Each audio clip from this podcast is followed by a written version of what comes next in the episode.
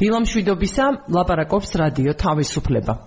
ვიწყებთ გადაცემას დილის საუბრები, რომელსაც ყოველ სამუშაო დღეს გთავაზობთ რადიო თავისუფლება და ვუძღვები ნინო გელაშვილი რადიო თავისუფლების ჟურნალისტი. პარასკევობით იცით რომ ჩვენს ეთერშია დილის საუბრები განათლებაზე და ამ რუბრიკაში ვლაპარაკობთ როგორც განათლების სისტემაზე, ისე მოზარდებზე და მათ გამოწვევებზე, ჩვენზე ზრდასრულებზე რა პასუხისგებლობა გვეკისრება და ასე შემდეგ. ამ გადაცემას ვუძღვები განათლების კოალიციის დირექტორ გიორგი გოტაჭანტურიასთან ერთად რამდენიმე წუთში შემოგვიერთდება ის, სწორედ ამ ორგანიზაციასთან ერთად გთავაზობთ ამ რუბრიკას ჩვენ და დღეს ყავს სტუმარი სტუდიაში. დღეს ჩვენ ვილაპარაკებთ კრიმინალურ მენტალიტეტზე. და მის ზეგავლენაზე აა მოსახლეობაზე ზოგადად საზოგადოებაზე და მოზარდებზე ფოკუსით შეიძლება ასე ითქვას. ძალიან საინტერესო და მრავალ კომპონენტიანი გამოკვლევა ჩაატარა სოციალური კვლევისა და ანალიზის ინსტიტუტმა. წამების ხელთა ფსიქოსოციალური და სამედიცინო რეაბილიტაციის ცენტრთან ერთად იმუშავეს ამ კვლევაზე და ძალიან საინტერესო შედეგი არის. ეს არის ის თემა, ერთ-ერთი ის თემა ალბათ ვფიქრობ, რომელზე ფიქრისას ალბათ ბევრი ჩვენგანი თulis რომ ეს პრობლემა რაღაც მთლად ახლოს არ არის მასთან, შეიძლება ასე ფიქრობდეთ. შეიძლება ვხედავდეთ ნიშნებს კრიმინალურ მენტალიტეტს გულისხმობ და კრიმინალურ სუბკულტურასთან კავშირს შეხებას, მის ზეგავლენას ჩვენზე, ჩვენს ცხოვრებაზე. არის ხშირად რაღაც რაღაცებზე თვალს ხუჭავთ. ერთ-ერთია თქო, ამბობ, რადგან მომავალში ჩვენ სხვა საკითხებზეც ვილაპარაკებთ და სხვა პრობლემებზე, რომლებზეც ფიქრით არ გვიყვარს, არ გვსიამოვნებს, რაც ნორმალურია. მაგრამ არის ის, რასაც ესეთი გამოთქმა გვაქვს, თვალი უნდა გავუსწოროთო. და უნდა შევეცადოთ ამას უკეთესია, უფრო უფრო ასე ვიქნებით გაბედულად. ბევრი რაღაცის წინაშე.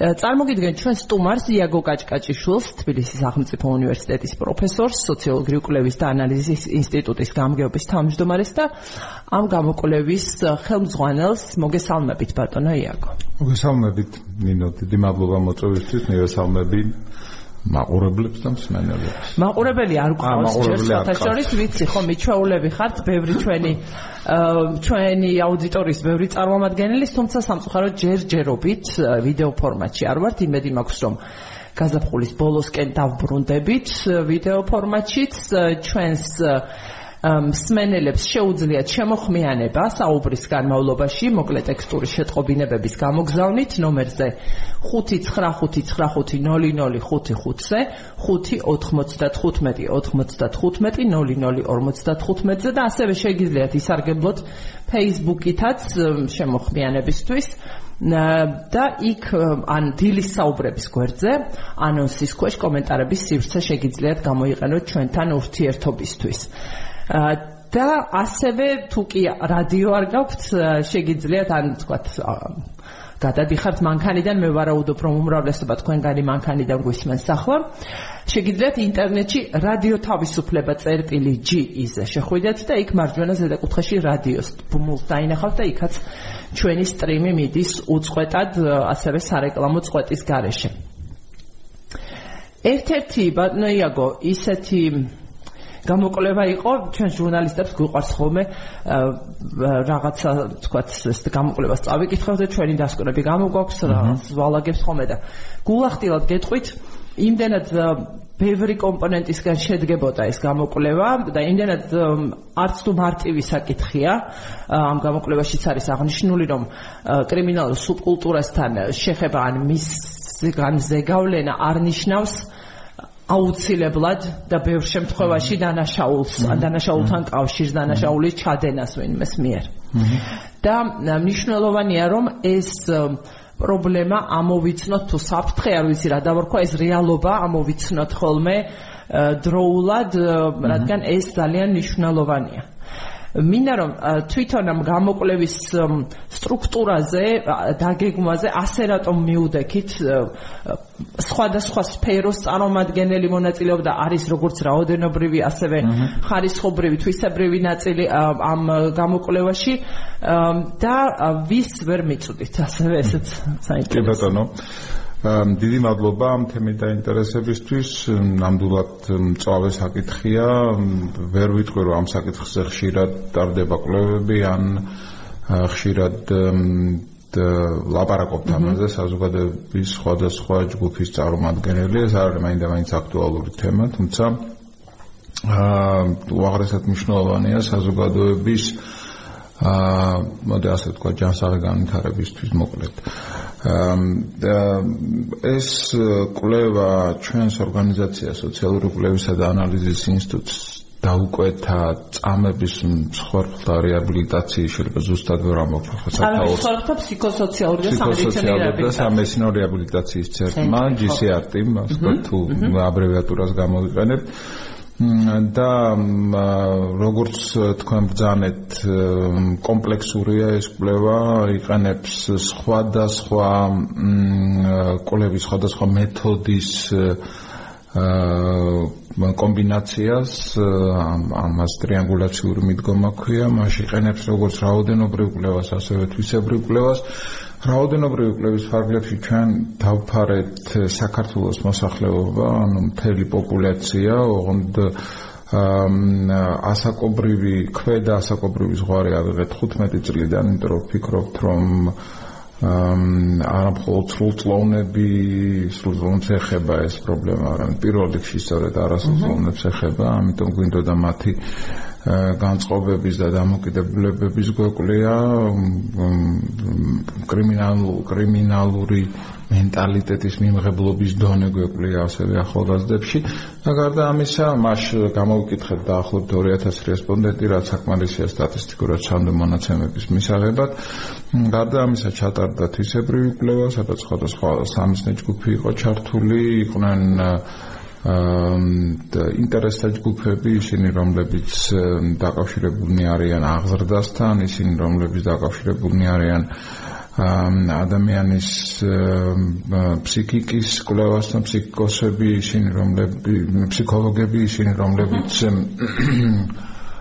სკოლაში სკოლაში საქმიანობენ იქნებიან ეს მასწავლებლები, იქნებიან ეს მანდატურები თუ ასე ვთქვათ სკოლის ფსიქოლოგები და ასე შემდეგ. ასევე გამოვიკითხეთ მოსამართლეები ფოკუს ჯგუფების ფარგლებში და ნუ სხვა ექიმები და სხვა საინტერესო სხვა საინტერესო სამიზნე ჯგუფები. სამწუხაროდ გვინდოდა და ამ კლუბის გეგმაში იყო რომ გამოგვეკითხა ასევე პოლიციელები და პროკურორები, თუმცა მათთან თანამშრომლობა არ გამოვიდა ეს აღმოჩნდა შეუძლებელი მათ უარი თქოს კლავაში ჩართვას, ჩართვას. უწყებას მიმართეთ. უწყებას მიმართეთ. ცხადია და არა მხოლოდ ჩვენ, არამედ უწყებას მიმართა ასევე GCRT, მაგრამ ნუ არ გამოვიდა ეს ამბავი, ისინი მათ არ მიიღეს მონაწილეობა არც ფოკუს ჯგუფებში და არც აღმოაჩინე ინტერვიუებში. ანუ კომპლექსური იყო ეს კვლევა, როგორც თქვენ ბძანეთ და ნუ საინტერესო შედეგამდე მივედით ხა რატო რა იყო ამ კვლევის ძირითად ფოკუსი ამ კვლევის ძირითად ფოკუსი ძალიან მარტივად რომ თქვა იყო რამდენად მაღალია დაბალია საზოგადოებაში კრიმინალური მენტალიტეტის მიმართ. მიმღებლობა და რომელია ის ფაქტორები რომლებიც ამ მიმღებლობას განაპირობებს. ესე იგი ამ მეღრებლობას უწყობს ხელს ამ პირიქით უშლის ხელს აი ეს იყო ასე ხო ძირითადი ფოკუსი ამ კვლევის რომ მას ლოიალობა კრიმინალური მენტალიტეტის მიმართ რამდენად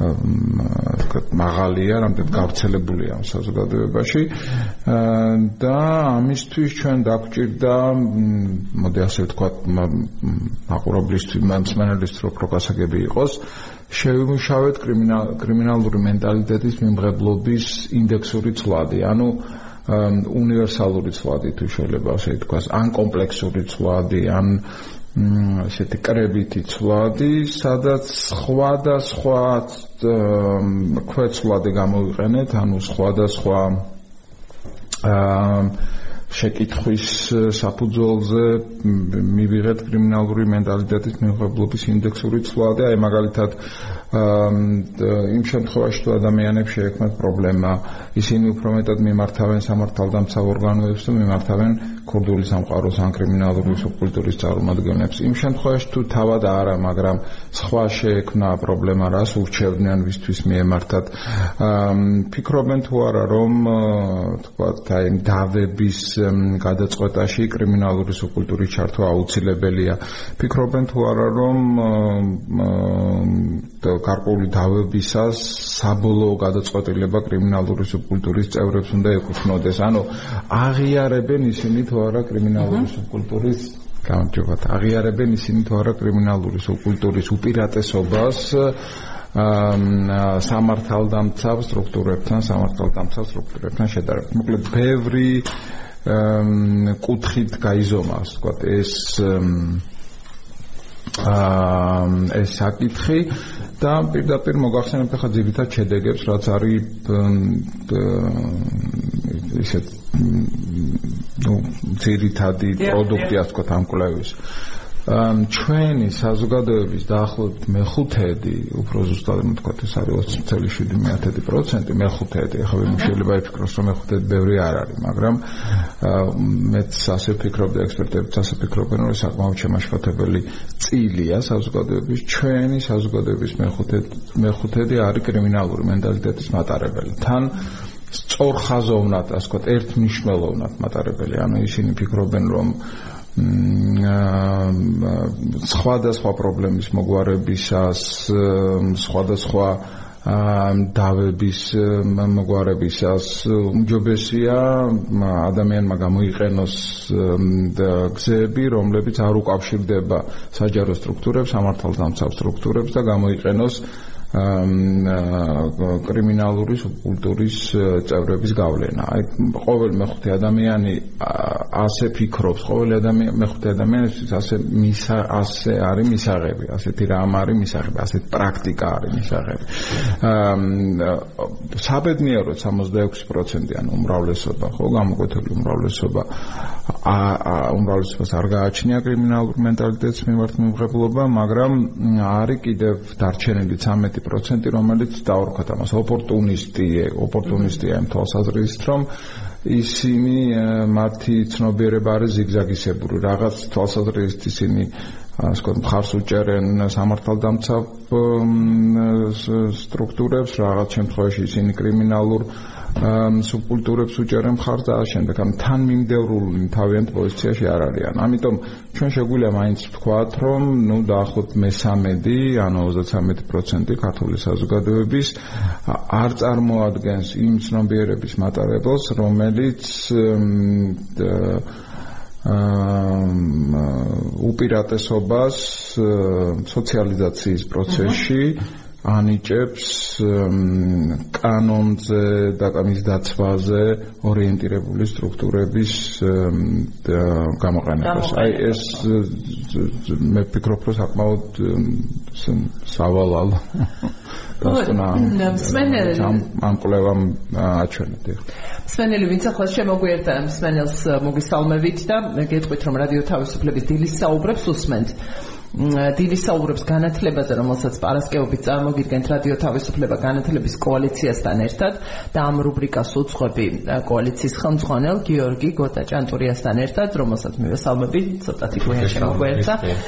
და ის რაზეც ჩვენი სტუმარი ბატონი იაგო კაჭკაჭიშვილი ახლა ლაპარაკობს, ეს არის ჩვენი დიაგნოზი და გავბედოთ და ჩვენ ჩვენს ყველამ ჩვენს თავზე ვიფიქროთ. ახლა როცა ლაპარაკი არის კრიმინალური სუბკულტურის მიმღებლობაზე ბატონმა იაგომ მისმა ორგანიზაციამ ჩაატარა გამოკვლევა ძალიან ესეთი სერიოზული, მრავალკომპონენტიანი, მნიშვნელოვანი თავისი ასე ვთქვათ, შედეგებით ასევე გამოკვლევა, რომელსაც ასე ეწოდება კრიმინალური მენტალიტეტი და მისი გავლენა საზოგადოებაზე და მასში არის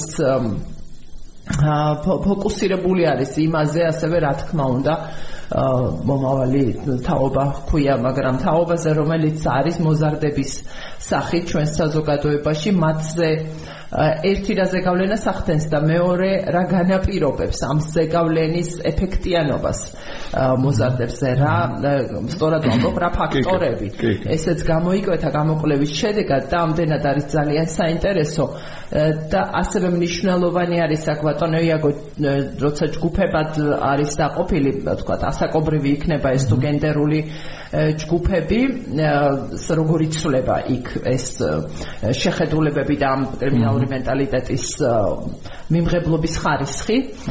და ასევე ის თუ საზოგადოება ვის თქვა იქნება უצებას თუ რომელ ჯგუფს თუ ვის კონკრეტულად აკისრებს პასუხისგებლობას ამ საკითხზე ეს ამისკენაც მიდრეკილები ვარ თვითკრიტიკულები თუ ვიქნებით რომ რა პასუხისგებლობების ხებს გადავაბაროთ ხოლმე. მაგრამ ნამდვილად გამოიკვეთა მნიშვნელოვნად აქ სკოლის როლი ასევე. და თქვენ ბრძანეთ კიდეც რომ სკოლის სკოლის მუშაკებიც მონაწილეობდნენ ამ გამოკვლევაში. გოტა თუ ქსურს ჩართვა და ბატონი აკოს ისე მოусმენთ უკვე ჯგუფების მიხედვით რომ გამოკვეთოთ სურათი. ხო, არა ძალიან საინტერესო თემა არის და დიდი მადლობა თქვა ამ კლევის განხორციელებისთვის და დიდი სიამოვნებით თქვა მე თვითონ სამწუხაროდ მინუსგან გასხოვეთ არ მქონდა შესაძლებლობა დეტალურად გავცნობოდი და ამ შემოვნებით მოვისმენ თქვა დაგჭირ საკითხი ხო შენ როგორც თქვი დიაგნოზ ხო მაგრამ ხო ძალიან მნიშვნელოვანია რომ ხო ამ მხრივ თვითონ სკოლის ფუნქციაზეც ვისაუბროთ, იმიტომ რომ ჩვენთან სამწუხაროდ ხშირად სკოლის როლს საკმაოდ ვიწროდ განიხილავენ ხოლმე, პანდემიამ კარგად აჩვენა, რომ სკოლას გაცილებით დიდი ფუნქცია აქვს ვიდრე თქვა ვიწროთ თქვა საგნობრივი კომპეტენციების განვითარება მოსწავლეებში, არამედ გაცილებით უფრო დიდი ფუნქცია აქვს. როგორც თქვა თვითონ მოსწავლეების კუთხით ეს სოციალიზაციის ნაწილი, ხო, ურთიერთობების სოციალიზაციის განვითარება, იგივე თქვა რაღაცა უნარჩვევების განვითარება მოსწავლეებში, მათ შორის თქვა კრიმინალური მენტალიტეტი იქნება ეს თუ პირიქით მის საწინააღმდეგო, ხო?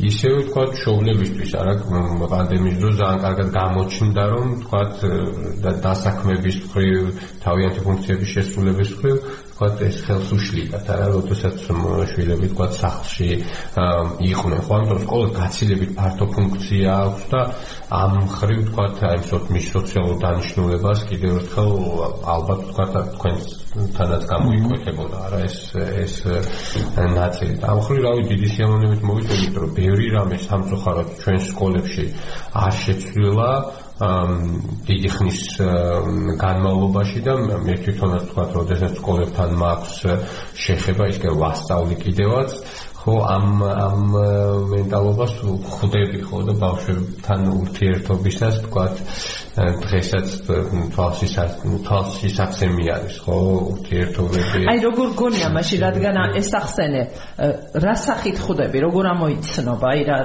რა არის ეს?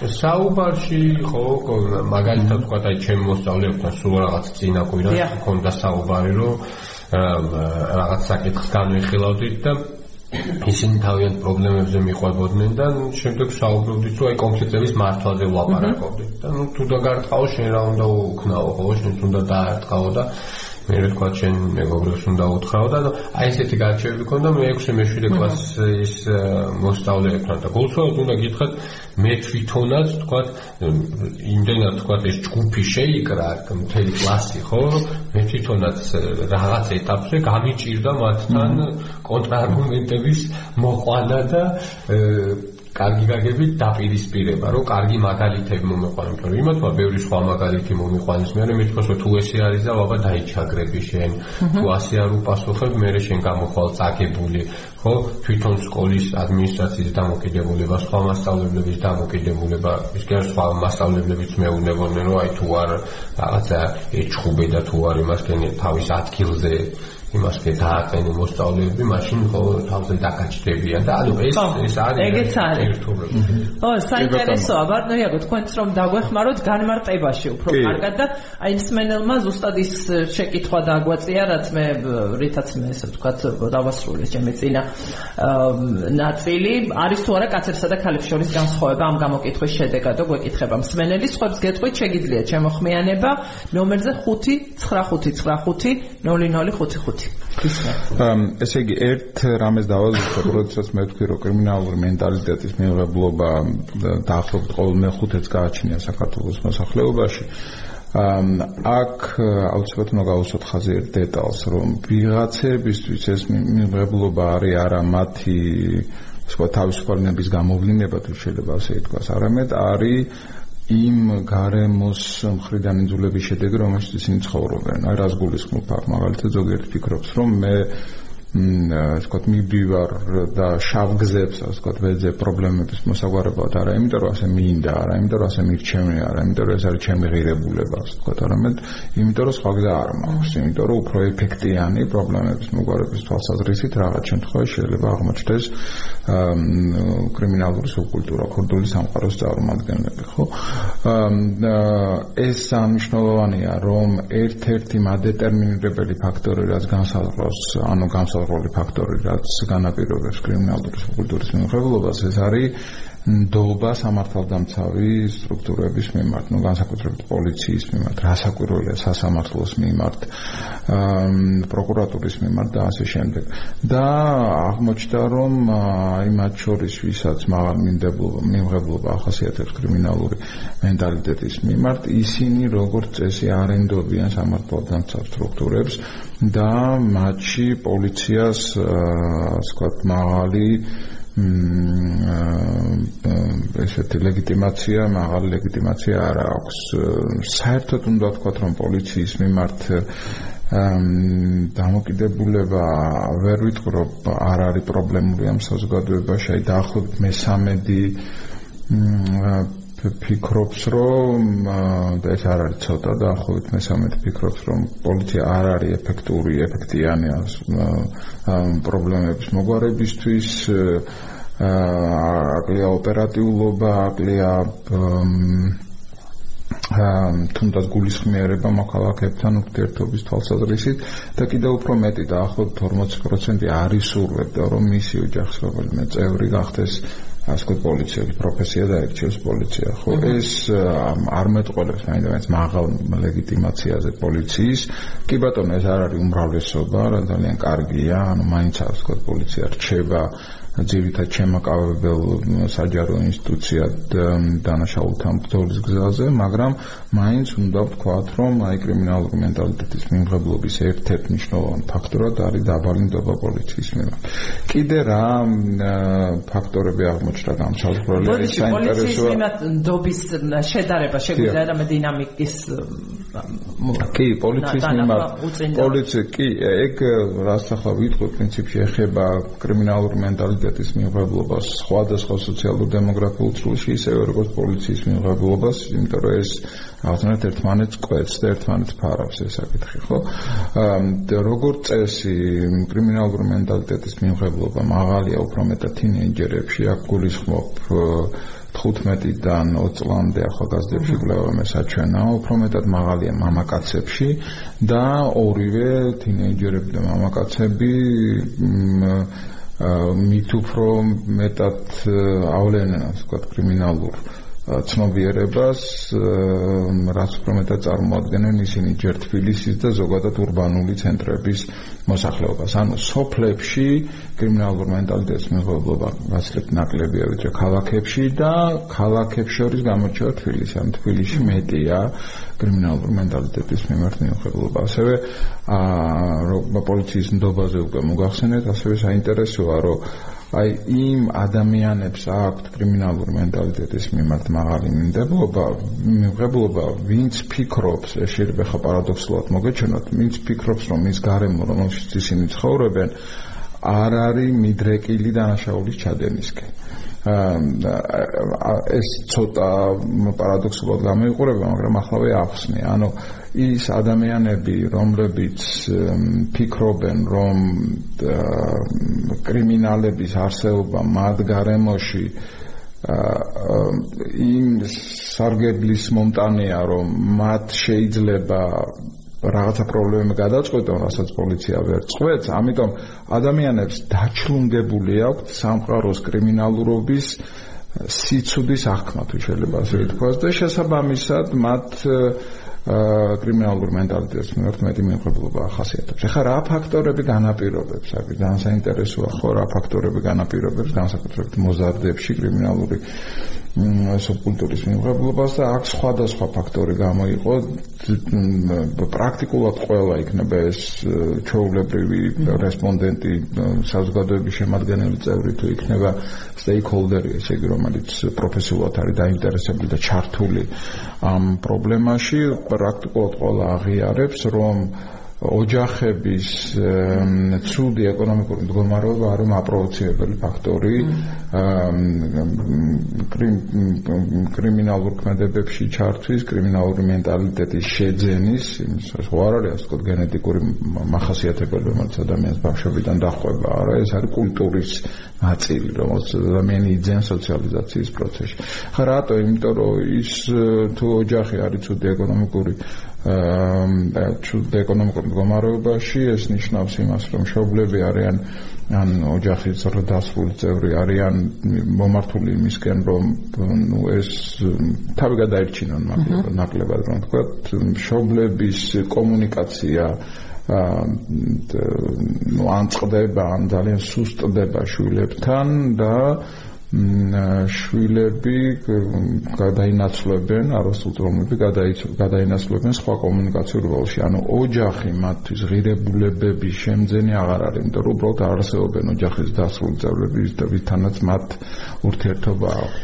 ასე რომ ვთქვათ რომ ოჯახი არ ყოფნით იმისთვის რომ თავი საკმარისად დაცულად იგრძნა კი კი რა ეს მოზარდისთვის ძალიან მნიშვნელოვანია ეს ეს მოზარდისთვის ძალიან მნიშვნელოვანია და რატო? იმიტომ რომ არ არ ოჯახში არ არსებობს ადამ ადამიანი, იმიტომ რომ ეს გასულია გარეთ იმის იმისთვის რომ სარჩო იშოვნოს, არსებობს ადამიანი, ვინც ვისაც ის ან დაელაპარაკება, ან რჩევას კითხავს, ან შეშჩივლებს გარკვეული პრობლემებს არსებობის შემთხვევაში და ასე. უბრალოდ არ არსებობენ ეს ადამიანები, არ იმყოფებიან ოჯახში და არ გააჩნიათ რამდენადმე ინტენსიური კომუნიკაცია საკუთარ საკუთარ შვილებთან, საკუთარ შვილებთან.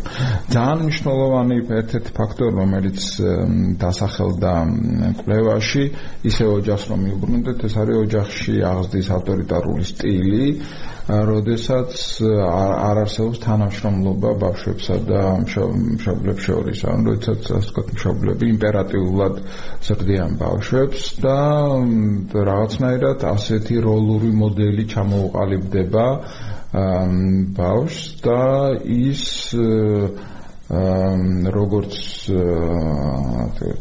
სვერპლი ან ჩაგრული მშობლების ავტორიტარული აღზრდის შემდეგ თავად ხდება ჩაგრული სხვებთან მიმართებით. ხო როდესაც ის გადის ოჯახის გარეთ მის ის ის ასე ვთქვათ იყენებს იმ როლურ მოდელს, მშობლის როლურ მოდელს, რომელშიც ის ცხოვრობს, რომელშიც ის არსებობს და უკვე თავად ხდება ავტორიტარის ხვების მიმართ. ესეც მნიშვნელოვანია. ისე ოჯახს რომ დაუბრუნდეთ, ოჯახის ოჯახში კონფლიქტები, ოჯახის წევრების დამოკიდებულება ნივთიერებაზე, მაგალითად ალკოჰოლზე და შემდეგ ესეც განაპირობებს კრიმინალურ მენტალიტეტის ასე ვთქვათ მიმღებლობას და ხო ძალიან საინტერესოა რომ კვლევრებმა ხაზი გაუსვეს კრიმინალურ მენტალიტეტის მიმღებლობის კიდევ ერთ ფაქტორს ეს არის ციფრული ტექნოლოგიების გამოყენების გზით ხელმისაწვდომობა ბევრი ისეთ მედია პროდუქცია რომელიც კრიმინალური მენტალიტეტის იდეალიზებას ახდენს. იქნება ეს სოციალური ქსელები, იქნება ეს ну, რა ვიცი, ფილმები, იქნება ეს ну, მოკლედ ნებისმიერ მედია პროდუქტი, რომელიც აა სწორედ კრიმინალური სუბკულტურის კრიმინალური სუბკულტურების ну, იდეალიზებას ახდენს. თუმცა ხო შემთხვევაში კრიმინალური სუბკულტურებს აცნობს და ზოგჯერ ზოგჯერ არც თუ არამომხიბვლელი ფორმით ახალგაზრდებს ესეც მნიშვნელოვანია. ხო, მოზარდებიდან ახლა რო გავიხსენოთ ჩვენი ბავშვობა რაღაცა მიდრეკილები არიან ასეთი რაღაცების ძებნისკენ, რაზეც მათ არ ელაპარაკებიან, რაც ითვლება რომ ეს ცუდია, აკრძალულია და ასე შემდეგ. ახლა მთლად ინტერნეტს რომ არ დავაბრალოთ, უბრალოდ გავიხსენე, უწინაც იყო ასეთი ფილმები, მხოლოდ სხვა სახით, ვიდეო კასეტები. უფრო მაღალია. ხო, რა თქმა უნდა, გაცილებით. და ჩვენ ცხოვრობ ციფრულ ტექნოლოგიების ეპოქაში. და რადიო პალიტრის ეთერში არის რეკლამის დრო, რამდენიმე წუთით დაგტოვებთ რადიო პალიტრაზე, მაგზელებთ უწყვეტად ინტერნეტში, რადიო თავისუფლება წერტილი GE-ზე და სულ ცოტა ხანში დაგიბრუნდებით რადიოს მენელებს არ წახვიდეთ. რაც შეეხება ახლა ეს ოჯახის ნაწილი არის ძალიან საინტერესო. ჩემთვის, იმიტომ რომ არ ვიცი თქვენ როგორ მაგრამ მქონია გსურდა რამე გოტა შეგიშალე მე მქონია გამოცდილება როცა დილემის წინაშე ყოფილვარ. კონკრეტული ეპიზოდის გამო რომელიც თქვათ უკავშირდებოდა ოჯახის წევრს და იქ გადაწყვეტილების მიღება სკოლას მათ შორის ანუ მოზარდ სკოლას რაღაცა ეპიზოდს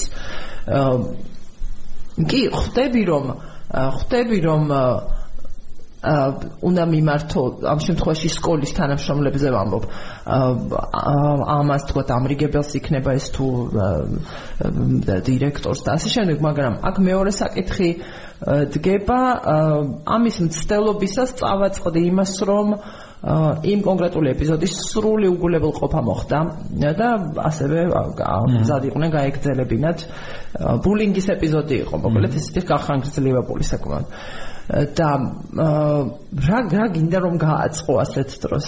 სრულიად ჩიხში აღმოჩნდი. ხო ესე იგი ერთი მხრივ შეიძლება ითქვას და ეს ნამდვილად შეიძლება ჩაითვალოს ინსტიტუციურ მიღწევად განათლების სისტემის რო განათლების საჯარო სკოლებში და ზოგადად ზოგადად საგანმანათლებლო დაწესებულებებში სკოლებში სხვადასხვა ინსტიტუცია მოქმედებს წესების უზრუნველყოფის თვალსაზრისით ანუ არ არის მხოლოდ ასე ვთქვათ, მასწავლებელი, ან ხოლმე სკოლის ადმინისტრაცია, არამედ მაგალითად მანდატურის ინსტიტუტი შემოვიდა რა.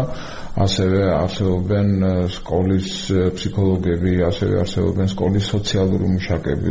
პრინციპში უნახეთ რამდენი ინსტიტუცია უკეთ გამრავალ გამრავალფეროვნდა წესრიგზე და სწორი ღირებულებების აღზრდაზე პასუხისმგებელი ინსტიტუციების სკოლაში, მაგრამ გამოიღო თუ არა ამანის ეფექტი, რასაც ველოდით აღმოჩნდა რომ თქვა და არა, ეს ამას ეს კვლევაც აჩვენებს სხვა შორის, რომ მიუხედავად იმისა, რომ აი აქტიურად თანამშრომლობს სკოლა, მშობელი, მანდატური სკოლის ფსიქოლოგი, სკოლის სოციალური მუშაკი, მაინც არ არის ეს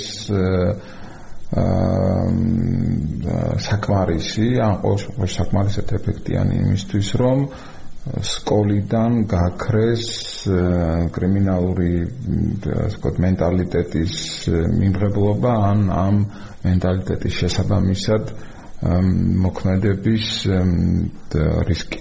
არ არის ეს საკმარისი. ეხა ეს კიდე ჩვენ ცხადე ამდენს ვერ ვიკვლევდით კიდე საინტერესოა რომელი რგოლი ა ჩავარდნილი ან რომელი რგოლი არ მოქმედებს საკმარისად ეფექტიანად ამისთვის. ხო ესე იგი ნუ ვიღაცები ლაბარაკობენ იმაზე რომ ну კარგია რომ სკოლის ფსიქოლოგები არსებობენ, მაგრამ ან სკოლის სოციალური მუშაკები, მაგრამ ხას უსვამენ მათ შეუსაბამო კვალიფიკაციას, ანუ ასე ვთქვათ, ისინი არ არიან სათანადოდ მზად იმისთვის, რომ ან ძალიან რთულ ასაკში მყოფ ადამიანებთან სწორი კომუნიკაცია იქონია. შემიძლია შეგვერთდე მათ რიგებს, ხო, ვინც ასეთულეს? ხო, ხო, ასევე ну, როდესაც ლაპარაკია, ვთქვათ, სკოლასა და ოჯახს შორის ურთიერთობაზე, აქ არ არის ესე იგი ეს ურთიერთობა ისე ისე მიმდინარეობს რომ ის გადის ბავშვის ღირსების შეურაცხყოფაზე. ამას ამბობენ ასე რომ დეტალებში ასე ვთქვათ ეშმაკი თუ შეიძლება ასე ითქვას კი ინსტიტუციურად კიდევ ერთხელ ვამბობ უფრო გამართა სკოლები უფრო მეტი ინსტიტუცია შემოვიდა რომ მას ჯანს ჯანს არის სასკოლო გარემოზე მოყოს მაგრამ როგორც ჩანს პრაქტიკა ასეთი მაჟორული არ არის და ის პრობლემას აწყდება. ეს პრობლემას აწყდება. ხო, კი, ანუ რეალურად მეც მგონია რომ სამწუხაროდ ეს ინსტიტუციები თუ მექანიზმები მაინც უფრო ფორმალური ხასიათისაა, ვიდრე რეალურად თქვა პრაქტიკაში მას რაიმე დანიშნულება ჰქონდეს. მით უმეტეს გარკვეულ შემთხვევებში თქვა თვითონ ამ ინსტიტუციების წარმომადგენლები მაგალითად მანდატურის სამსახური შეიძლება პირიქით თვითონ იყოს თქვათ ასე თქვათ ხელშემწყობი ამ სუბკულტურის ხო? თუ თვითონ თქვათ დამოკიდებულება მოსწავლეებთან ხშირ შემთხვევაში არასწორი აქვს ხოლმე, მაგრამ აი აი უფრო ფაქტობრივად თქვა რომ შევხედოთ ხო? ბოდიში გოტა ვიდრე გაგრძელებ. კი, კი, რადიო პალიტრის ეთერში დაბრუნდით რომ მსმენელისთვის რომ ნათელი იყოს რას უსმენს რადიო თავისუფლების დილის საუბრებია ეთერში და დღეს პარასკევობით რადიო თავისუფლება განათლების კოალიციასთან ერთად წარმოგიდგენ დილის დილის საუბრებს განათლებაზე. და დღეს ჩვენ ვლაპარაკობთ ერთ ძალიან აქტუალურ თემაზე, რომელზეც არასაკმარისად ვლაპარაკობთ, ასე ვიტყვი, თუ არა ის რომ ძალიან ცოტას, ან საერთოდაც არა, გვირჩევნია არ ვილაპარაკოთ. არის კიდევ რაღაც თემები, რაზეც გვირჩევნია ხოლმე არ ვილაპარაკოთ, მაგრამ აუცილებელია და ვლაპარაკობ დღეს კრიმინალური სუბკულტურის, კრიმინალური მენტალიტეტის ზეგავლენაზე, საზოგადოებაზე, მოზარდებზე, ესე ვთქვათ, ფოკუსით, მაგრამ ჩვენზეა ეს ყველაზე მოზარდები თავისით ხომ არა არიან ნაწილია ჩვენი, ჩვენი ცხოვრების და ერთად ვართ მოკლედ. ძალიან საინტერესო და კომპლექსური კვლევა, გამოკვლევა ჩაატარა ჩაატარა ორგანიზაციამ რომელიც სახსუბანიაკო სოციალური კვლევისა და ანალიზის ინსტიტუტი ანალიზის ინსტიტუტმა და ბატონიაკო იყო ხელმძღვანელობდა ამ გამოკვლევას ამ ორგანიზაციის ხელმძღვანელის გახლავთის და ეს გამოკვლევა ჩატარდა წამების სხვათა ფსიქოსოციალური და სამედიცინო რეაბილიტაციის ცენტრის დაკვეთით და მონაწილეობით და შემდეგ გაანალიზდა ეს ყველაფერი და სწორედ ამ გამოკვლევის საბაბით წამოვიწყე ეს საუბარი. გიორგი გოტაჭანტური არის თანაწამყვანი ამ რუბრიკის, რომელიც ახლოს ცვამდა შეკითხვას და მოსაზრების გამოთქმა არ დავასრულებინე და გისმენთ და შემდეგ სვენელების შეკითხვებსაც ჩავხედავ კიდევ ბრძანებით. ხო, ანუ უფრო ფაქტო კონტექსტში საუბრობდი, რომ თქვა თვითონ სკოლის დანიშნულებაზე, ხო, მათ შორის განსაკუთრებით ისეთ ქვეყნებში, როგორც ჩვენი ქვეყანა არის, აი მათ შორის თქვა აი ბატონი იაგო როდესაც ამბობდა თქვა, რომ აი ეს ადამიანები ფიზიკურად არ არსებობენ, ხო და დასაქმებულები არიან განსაკუთრებით როდესაც ასეთი მაღალი ემიგრაცია და მშობლები დასრულები არიან საზღვარგარეთ ხო მე მაგალითად როდესაც პირველ დღეს შევედი გაკვეთილზე და ვატარებდი გაკვეთილს რომ გამოვედი იქიდან იმ კვირას 3-4-მა მშობელმა მომწერა მხოლოდ ერთი კლასიდან რომ თქვა აი ვიღაცა იტალიაში იყო ვიღაცა საბერძნეთში იყო და განშნოვანი. კი, რაღაცა ნიშნით და შობლების არარსებობა ოჯახში. კი, საერთოდ ფიზიკურად არ არის და ამ კონტექსტში მithumetes მნიშვნელოვანია სკოლის როლი. ზოგადად სკოლის როლი, თქვათ, საზოგადოებრივი პროგრესის ხელშეწყობაში ეს არის მნიშვნელოვანი და იქ უნდა იყოს ზუსტად ეს ინსტიტუციურად, თქვათ, სწორი ღირებულებები. ხო, ეხლა ჩვენ მე დირექტორებთან მისაუბრებ, ვისთან თქვათ, შობლები მისულან და უთქვამთ, რომ აი თავით გამოიყენეთ ყველა ძალა, რაც გინდათ ის ქენით, მაგრამ თქვა მე გაძლევთ ყველაფრის უფლებას და ამათ რომ უკითხავთ რა ვიცი რის უფლებას მაძლევ კი მაგრამ რომ შეგიძლიათ რაც გინდათ ის გააკეთოთ და ხადია ამ კონტექსტში ხო იმ ოჯახთან ურთიერთობაში სკოლა უნდა იყოს მოწოდების სიმაღლეზე ხო ანუ და თუ სკოლაში არ არის ეს გარემო და პირიქით სკოლაში არის თქვა ძალადობრივი გარემო მათ შორის თქვა რაღაცა კაცად იერარქიული გარემო ხადია ხო ამ კულტურის კვალწარმოებას შეუწყობ ჩვენ ხელს და სხვათა შორის აი იგივე ეს ეკონომიკური სოციოეკონომიკური ფაქტორები რაც ძალიან მნიშვნელოვანია ბარემ გავაჟღერებ რომ და დიდი ხანია ამიტომაც საუბრობთ მათ შორის სასკოლო პროგრამის მნიშვნელობაზე და აი გუშინ ესე ვთქვა გამოვაქვეყნეთ რომ 14-19 მარტს ჩვენ ვაწყობთ სასკოლო კვების კვირეულს. 14 მარტი არის სასკოლო კვების საერთაშორისო დღე და ამ დღიდან ასე ვთქვათ ამ დღეს აღსანიშნავად მთელი კვირის მანძილზე ვაწყობთ სხვადასხვა ღონისძიებებს და ძალიან მნიშვნელოვანია რომ ეს ღონისძიებები არ ეწყობა თბილისში, ეწყობა რეგიონებში, 20-მდე საზოგადოებრივი ორგანიზაცია და სკოლა უერთდება, ეს რიცხვი იზრდება და მთელი საქართველოს მასშტაბით მოკლედ აღინიშნება ეს სასკოლოკვების დღე. რაც ერთ-ერთი მნიშვნელოვანი ფაქტორი არის ხო რომ აი როდესაც საუბრობთ რო თქვა ძიმე სოციოეკონომიკური ფონი არის ქვეყანაში, ხო? ესეთი საკითხები სკოლის დონეზე ნამდვილად უნდა იყოს დარეგულირებული, ხო? ეგრეთ წოდებული თქვა ეს გახარჯლებული პროგრამები ან სკოლის სოციალური ფუნქცია უნდა გაიზარდოს. განსაკუთრებით თქვა იქ, სადაც თქვა აი მაგალითად გურიაში ვიყავი სულ ცოტა ხნის წინ და ძალიან ძიმე ფონი არის, ხო? რაჭაში, ხო? ასე შემდეგ. ბრძანეთ და შემდეგ დავსაჩემს დასვით ნინო და ხარა რომ არ გადაგიყვანოთ უბრალოდ ხო ბრძანეთ. აა მე მინდოდა კვლევის სხვა შედეგებზეც გამახვილებინა ყურადღება მაგალითად ჩვენ გვაინტერესებთ ესეც საკითხი რამდენად უსაფრთხო გარემოში უწევთ ადამიანებს ცხოვრება ხო? ასე რამდენად უსაფრთხოა ის გარემოში ცხოვრობენ და რამდენად მაღალია კრიმინალის დონე სხვა შორის უნდა ითქვას და ნუ ეს კარგია რომ მიუხედავად იმისა რომ კრიმინალის დონის ზრდის ტენდენციაზე მიუთითებენ ბოლო 2 წლის განმავლობაში რესპონდენტები მაინც უმრავლესობას გამოკვეთილ უმრავლესობას მხოლოდ 8% ისეთი ვინც ასე არ ფიქრობს მას გამოკვეთილ უმრავლესობას აქვს განცდა რომ კრიმინალის შემთხვევების ზრდის მიუხედავად მათ უსაფრთხოება საფრთხე არ ემუქრება თუ შეიძლება ასე თქვას. ანუ ჯერ კრიმინალის ზრდა საბედნიერო ჯერჯერობით არ ჩამოყალიბებულა საფრთხის მაღალი განც საფრთხის მაღალ განცდა თუ შეიძლება ასე თქვას. ადამიანები ფიქრობენ რომ ისინი კრიმინალისგან დაცულ გარემოში ცხოვრობენ მეტნაკლებად რა თუმცა კი ესმით თუმცა კი ესმით რომ აი დანაშაულის ფაქტები გახშირდა დანაშაულმა იმატა.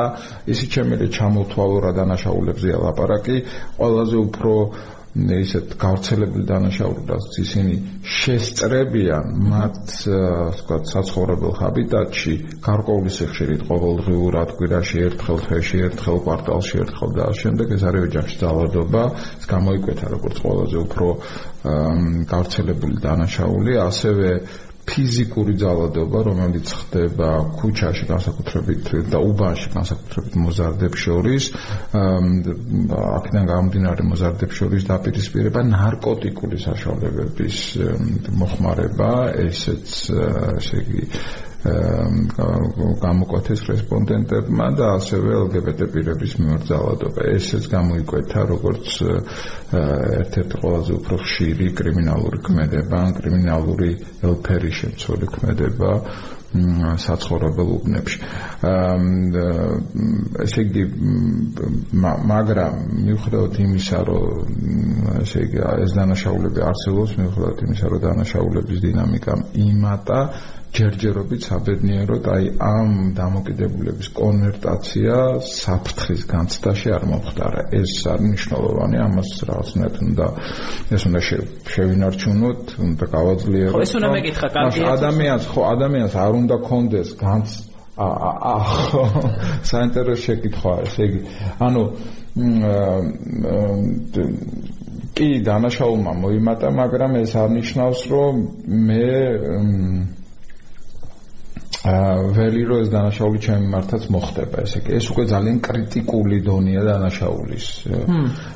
ნინო თუ მე მაგას და რო გარეთ გამოსვლა არის აშიში და მე აუცილებლად და დაზაფრული დავდივარ. ხო და დაზაფრული დავდივარ. ეს უკვე არის სრულად ჩამოშლა სული ჩამოშლა რა ვიცი სამართალდამცავი ინსტიტუტების გავლენის ამ დონემდე ცხადე ჩვენ არ ვართ და კარგია რომ არ ვართ. ანუ არ ვართ 90-იან წლებში როდესაც სწორედ ეს განცდა ქონდა ხა მე ახსოვს გოთა პატარა ადამიანს 90-იან წლებში ცხადია არ ახსოვს მაგრამ ჩვენ გვახსოვს რომ საფრთხიდან გამოსვლა ეს იყო ესეთი უნივერსალური შიშის ქვეშ მოძრაობა და არსებობა ხო? ხო რაღაც ჩაულებრივად იქცა ხადე ასე არ ვართ მაგრამ არ უნდა ეს არნიშნავს იმას რომ თავი უნდა დავიმშვიდოთ არ უნდა წაუყროთ იმიტომ რომ ასე იგი დანაშაულების ზრდას შეუძლია დაანგრიოს ადამიანის ფსიქიკა და საფრთხის შეგრძნება რა თქმა უნდა. ჩაულებრივი ადამიანის. არის ასეთი შეკითხვები უფრო რაღაც დეტალიზაციას ითხოვს მსმენელი. კი ბატონო. რამდენად არის კრიმინალური და ვიცი რომ ნივთიერებაზე დამოკიდებულების კომპონენტი და თემა არის აქ შემოსული ამ კოლევაში. დამოკიდებ კრიმინალური გავლენების ზრდა ნარკოტიკების გავრცელებასთან რამდენად არის დაკავშირებულიო? ინტერნეტ მაუბნების და ქუჩის ბირჟების შეასუსტა. ამ ამბავმა არ მოახდინა გავლენა ქურდული სამყაროს გავლენაზე ახალგაზრდობაზე. და ნარკოტიკების და მარიხუანის გავრცელების მარიხუანაც ნარკოტიკია სმენელო პატივცემულო. დამოკიდებულებაზე რა სიტყვით? არ ახდენს კრიმინალის ზრდაზე გავლენას ღამის კლუბებზე რა სიტყვით? ასევე. აა ხო ესე იგი ნუ ის რაც მსმენელმა ჩამოთვალა თქვა ნარკოტიკული საშუალებების მოხმარება ისეთ გარემოში ყოფნას რომელიც დავარქვათ ამას იატაკქვეშა გარემო სადაც ხელმისაწვდომობა სამართლებრივ სტრუქტურებს ნაკლები აქვს და სადაც ადამიანებს თავისუფალი მოქმედების შესაძლებლობა უფრო მეტი აქვს.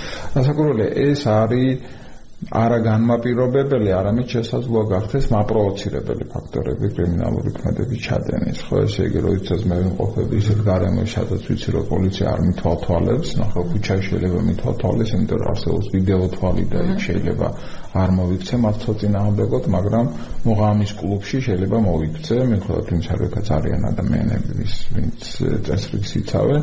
ასევე ნარკოტიკული ზემოქმედების ქვეშ თუ არა ეს ახალისებს ჩემს ფსიქიკას მოიმეკვდეს ის ის დრამა, რასაც ამ ზემოქმედების ყოფნის გარეშე არ ჩავიდენდი, რასაკვირველია ეს არის მაპროვოცირებელი ფაქტორები, მაგრამ ვერ ვიტყვით რომ ეს არის განმაპირობებელი ფაქტორები, ჩვენ ერთმანეთსგან უნდა განვასხვაოთ ხელშემწყობი ფაქტორები და კაუზალური ფაქტორები, რომლებიც დანაშაულს განაპირობებს, ხო? ნარკო, სულ განსაკუთრებით სულბუქი ნარკოტიკების მოხმარება არის უდაოდ მაპროვოცირებელი ფაქტორი, მაგრამ განმაპირობებელი ფაქტორი უფრო სხვა რამეა და ჩვენ ვილაპარაკეთ ამ ფაქტორებზე, ხო, რომელიც ერთად ჯახში ახსდას უკავშირდება და კომუნიკაციურ სივრცეს უკავშირდება და ამ სივრცის ამ სივრცეში თანამშრომლობის ნაკლებობას ბავშვსა და უფროსებს შორის. იქნება ეს გარემო სკოლის თუ ოჯახის. არ დაგვრჩა ბევრი დრო რომ ეცოდოთ კი გებევრა ჩვენს სტუმარს მემართავ. და არ მინდა რომ ძალიან მნიშვნელოვანი რამ დაგვრჩეს უთქმელი რა თქმა უნდა ყველაფერს ვერ შევეხებით უბრალოდ მსმენელი იწერება კიდევ. და თქვენ ახსენეთ რომ თბილისში უფრო ესე ვთქვათ განსხვავდება თბილისი სხვა урბანული ცენტრებისგან ხო სხვა საქალაქო ცენტრებისგან ხო თუმცა საინტერესოა რომ აი კრიმინალური მენტალიტეტის მიმღებლობის ხარისხით უბრალოდ ნათელი რომ იყოს მსმენელისთვის და შეკითხვა არის ასეთი და შემდეგ ერთად გვითხრით. შედარებითი ანალიზით არის ანალიზით არის რომელ რეგიონშია უფრო მაღალი ასევე ქალაქსა თუ სოფლებში და სად შეიძლება ანგარიშის ნახვა ასევე კარგი იქნება საომოლო თუ შეეხებით კერძო სკოლების სწავლების ხარისხს. ვისევალება და რა ტენდენციებია. მადლობა მსმენელს. კი ბატონო, საინტერესო შეკითხვა. ჩვენი შერჩევა არ იყო იმდენად დიდი, რომ რეგიონულ წრილში შეგვძლებოდა მონაცემების დათვლა, თუმცა შერჩევით ერთობლიობა საკმარისი იყო იმისთვის, რომ აი ასეთი ჭრილი მიგვეღო თბილისი, აღმოსავლეთ საქართველოს და დასავლეთ საქართველოს და აღმოჩნდა, რომ კრიმინალური მენტალიტეტის მიიღება ეს ცალკეპლების თემაა. თბილისის გარდა, ესე იგი თბილისი როგორც თქვი, არის მემღებლობის თვალსაზრისით გამორჩეული. დასავლეთ საქართველოს არის ასევე უფრო მაღალი მიღებლობა გამორჩევა აღმოსავლეთ საქართველოსთან შედარებით და ამას თავისი მიზეზები აქვს, ну, არ ვიცი. ქუთაისური ცხოვრების წესი თუ არ ვიცი ნუ რა ვიცი ამას თავის მიზეზები აქვს საკუთრებია ხო სტიგმატიზაციას მოვა არა არა ვიხუმრე ამ შემთხვევაში ვიხუმრე ამ შემთხვევაში რა საკუთრებია ჩემ შობლიური ქალაქი. მესმის ხო ასევე ხო ერთი შეკითხვა იყო კიდე იქ ხანგრძლივად მომივარდა თავი. ანგარიშსად უნახავთ რა თუ რა? არა, ანგარიშსა ამ კერძო სკოლებზე მე მგონი ჩვენ გვეჭია რომ შევეხოთ. და კიდე ერთი კიდე ერთი იყო მნიშვნელოვანი საკითხი, რომ გამომივარდა ხა თავი. ხამის კლუბები? და გამოსკულები იყო ასევე და ხო ნარკოტიკებზე უკვე ვთქვით რეგიონი ქალაქი სოფელი სწავლის ხარისხს დღეს არ ვლაპარაკობთ ხო მე მგონი ეგ იყო სულ ხო ერთ-ერთი მსმენელი ახლა ამაზე არ ვიცი ლაპარაკია არ ღირს კონკრეტულად თulis რომ მართველი პარტიის მომხრე ძალსახად არ არ ფარავს ამას თulis რომ სკოლებში და ნაციონალები არიან ანუ პარტიულ იმას უკავშირებს ასეთ შედეგს ეს მისი არჩევანი და შეფასება. და როცა ამ ყველაფერზე ვლაპარაკობთ რატომ არის ეს მნიშვნელოვანი? ცხადია რომ არის ამაზე არ ვცდაობთ მაგრამ მნიშვნელოვანი იმის ახსაქმელად შესაფასებლად დასანახად თუ როგორ ვითარდება ეს საზოგადოება რადგან რაღაც ეტაპზე შემდეგ შედეგებზე ვიშვიშებთ ხოლმე მაგალითად დანაშაულის სტატისტიკაზე მაგალითად რაც უკვე გამოვლინება არის და და ვიშენთ თავში ხელებს ეს არის იმ ტიპის კვლევა რომელიც გარკვეული თვალსაზრისით აჩვენებს როგორ ვითარდებით და საითკენ მივდივართ და რა არის იქ შესაძლებელი რა შეგვიძლია ამაზე მე ფიქრებოდა რომ გავეცანი. რისი შეცვლა არის შესაძლებელი რეალურად? ახლა კი ვლაპარაკობთ კომპეტენციების ნაკლებობას. შემდეგ საბოლოოდ ხომ მხოლოდ დანაშაულებს არ ეხება. შემდეგ არ მოგწონს და შემდეგ რა აწმყოშიც და წარსულშიც არ მოგწონს სახელმწიფო როგორ იმართება რა პრინციპებით იმართება რა წესებით ვინ იმარჯვებს რა თვისებებით ვის როგორ გააქვს თავი და ადამიანი როგორ შეიძლება დაწინაურდეს სხვასთან შედარებით ასევე რა წესების გამოყენებით ხო? ქცევი ხმების. ეს ყველაფერი ერთმანეთთან კავშირში აბა საიდან მოდის, ხო? და მე რომ არ მოგწონს, მოკლედ ჩვენი ბრალია. ჩვენი ბრალია ის რაც არ მოგწონს. ამის თქმა მინდა და შესაძლებელი რა არის და რა რა არის ის რაც ძალიან მნიშვნელოვანი გონიათ და მე არ კითხეთ. და დაგჭა 3 წუთი სულ. ხო, ამ პრაქტიკულად ყველა მეტნაკლებად ყველა თვითად მიგნებაზე ვილაპარაკეთ. ხა რა რა უნდა მოხდეს, რა უნდა გაკეთდეს, მოკლედ ვიტყვი. ძალიან მნიშვნელოვანია ხა ეს კომპლექსური საკითხია და ზოგადად არ შეიძლება ამ საკითხის მოგვარება ზოგადად ქვეყანაში მდგომარეობის გაუმჯობესების მიღმა. ახლა ამას წერტილოვნად ასე ვთქვათ ვერ მოაგვარებ. აი მაგალითად თუ ოჯახებ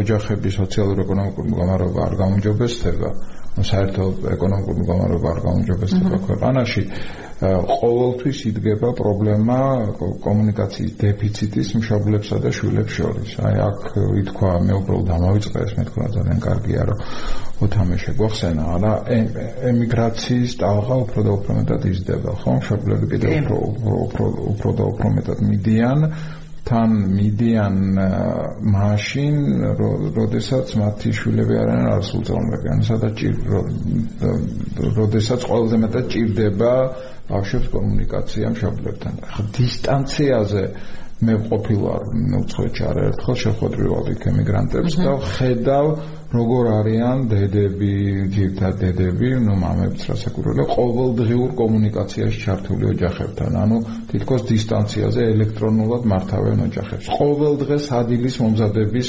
თვალსაზრისითაც კი, აი დღეს ეს გაუკეთე, დღეს რა ჭამე, დღეს დააგვიანე სკოლაში თუ არ დააგვიანე, მაგრამ ცხადია ეს არ არის საკმარის. ცხადია ეს არ არის თორ შემთხვევაში არ არის პანაცეა, იმიტომ რომ ელექტრონულ ელექტრონულად ასე ვთქვათ კომუნიკაციას მადლობა ხმერ ჯერჯერობით არ ჩაუნაცვლებია პირისპირ კომუნიკაციის მნიშვნელობა და ხიბლი რასაკვირველია. ხო, ამიტომ თუ დასაქმების პრობლემები არ მოგვარდა, თუ სიღარიბე არ მოგვარდა, შემოსავლის პრობლემები არ მოგვარდა, ჩვენ ამ კრიმინალური მენტალიტეტის მიღებულობის მიღებულობას ხადია ვერ გადაჭერთ. ასევე ძალიან მნიშვნელოვანია სასკოლო გარემოს გაუმჯობესება. კიდევ ერთხელ ნეურო კი ყავს ჩვენ ეს სხვადასხვა ინსტიტუცია, რომელიც სკოლაში შევიდა და შემდეგ, მაგრამ აი ერთ კვალიფიკაციის დონეა ასამაღლებელი იმ ადამიანების, ვინც გარკვეულ ფუნქციას ეწევიან სკოლაში და შემდეგ ეს მულტიდისციპლინური გუნდი უფრო კარგად უნდა შეთამაშდეს ერთმანეთთან და რაც თავარია ამ ინსტიტუტების არსებობამ არ უნდა გაჭყლიტოს ბავშვის ღირსება, არ უნდა შეიწიროს მისი ინდივიდუალობა, მისი თავისუფლება და ამას უნდა ძალიან ფაქის დამოკიდებულება. ამიტომ მოკლედ კიდევ ერთი რეკომენდაცია არის სასკოლო სივრცეში არსებული ინსტიტუტების ურთიერთთანამშრომლობის გაჯანსაღება, რომელიც სხვადასხვა კომპონენტს მოიცავს, როგორც თქვი. აა და ნუ რა ვიცი, კიდე შეგვიძლია ხო, რეკომენდაციები ბევრია. და დროა მოგვეწურა, გოტა თუ გსურს რაღაცას რომ შეაჯამა ნახევარწუთში და უნდა დავემშვიდობოთ სმენელს. ან პრინციპში მეც ამ ხაზს გავაგზავნებ, რომ ხო საკმაოდ ისე ფართო და ვრცელი თემა არის და ამიტომ არის ამ მოგვიწევს ბევრ კომპონენტთან დაბრუნება. შოუბა სისტემურად საჭირო რა და ესე წერტილო უნდა ისიც არ არის აი ის კერა წერტილო უნდა რაღაცა საკითხებიც არ გვარდება სამწუხაროდ ყოველ შემთხვევაში სასკოლო განათლების მიმართულებით ხო აგერ ეხა დირექტორების არჩევნები არის და ნახოთ როგორ ჩაივლის რაც ასევე არის პრინციპში ამ საკითხთან დაკავშირებული იმიტომ რომ სკოლის ინსტიტუციური განვითარება ხო და იმას თუ როგორ ხო რა შესაბამისად ეს ყველაფერი ერთობლიობაში უკვე იმ სისტემურ ხარვეზებს წარმოქმნის და გავაგზავნოთ კი აუცილებლად პოლიციის პროფესიის პრესტიჟულობა ასე და მნიშვნელობა იმიტომ რომ როგორ ჩანს ამ თვალსაზრისით გვაქვს ასევე მნიშვნელოვანი გამოწვევა. 40%-ს არ უნდა რომ მისმა ოჯახმა ეს პროფესია აირჩიოს 40% ძალიან მაღალია ხო? არ არის დაბალი მაჩვენება. ძალიან მაღალია.